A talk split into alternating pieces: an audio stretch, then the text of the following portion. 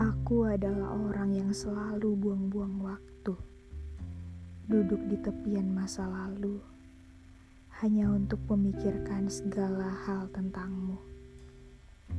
Menyesap pahit, sembari melihat asa yang mengepul ke udara, sampai aku lupa bahwa untukku kau tak pernah punya cinta. Apa kau tahu? Untuk cinta yang tak terbalas sama hanya akan berakhir dengan dua cara. Cinta sampai mati atau mematikan sendiri.